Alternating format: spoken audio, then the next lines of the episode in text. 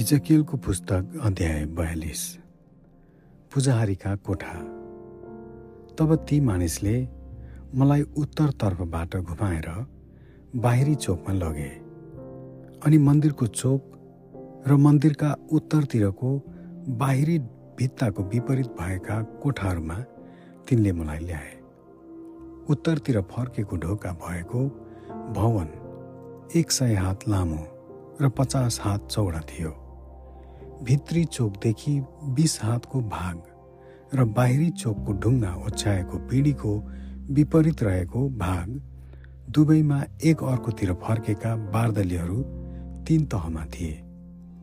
कोठाहरूका सामुन्य दस हात चौडा र एक सय हात लामो एउटा भित्री बाटो थियो। तिनका ढोकाहरू उत्तरतिर फर्केका थिए।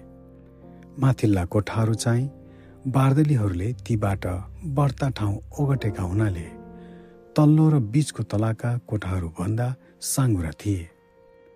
चोकहरूका जस्तै तेस्रो तलाका कोठाहरूका खम्बाहरू थिएनन्।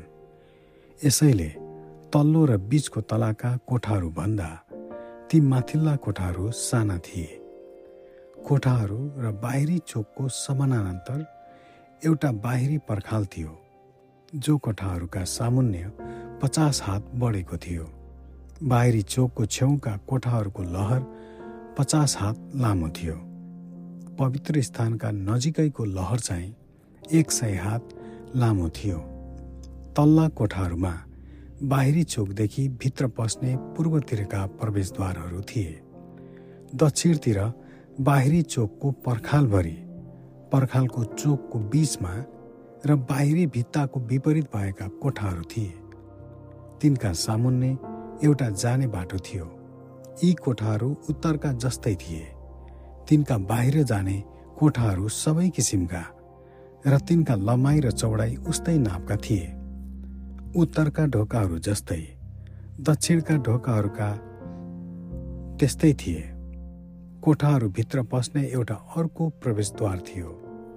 यो प्रवेशद्वार पूर्वतिर जाने पर्खालको समानान्तर गएको बाटोको सुरुमा पर्थ्यो तब तिनले मलाई भने मन्दिरको चोकतिर फर्केका र उत्तर र दक्षिणका कोठाहरू चाहिँ पूजाहारीका कोठाहरू हुन् जहाँ मानिसहरूले चढाएका सबै पवित्र भेटीहरू परमप्रभुको सामुन्ने आउने पुजारीहरूले खाने गर्छन्।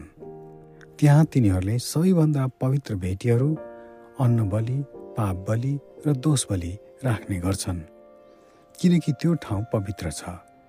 जब पुजारीहरू पवित्र स्थानमा पसेका हुन्छन् तब सेवाको काम गर्दा आफूले लाएका वस्त्र त्यहाँ नफुकाली फेरि बाहिरी चोकमा जानु हुँदैन किनकि ती पवित्र वस्त्र हुन्। मानिसहरूलाई बस्न तोकिएको ठाउँमा तिनीहरू जानुभन्दा पहिले तिनीहरूले अर्कै लुगा लाउनुपर्छ।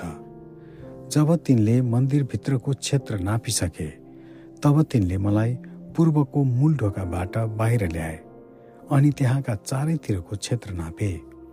तिनले त्यस नाप्ने टाँगोले पूर्व भागलाई नापे। त्यो पाँच सय हात थियो। तिनले उत्तरको भाग नापे।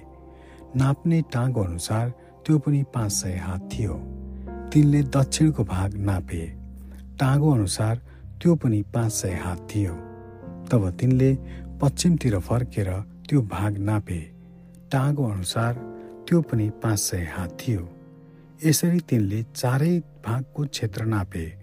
पवित्र ठाउँलाई साधारण ठाउँदेखि अलग गर्नलाई चारैतिर पर्खाल थियो। त्यो पाँच सय हात लामो र पाँच सय हात चौडा थियो। आमेन।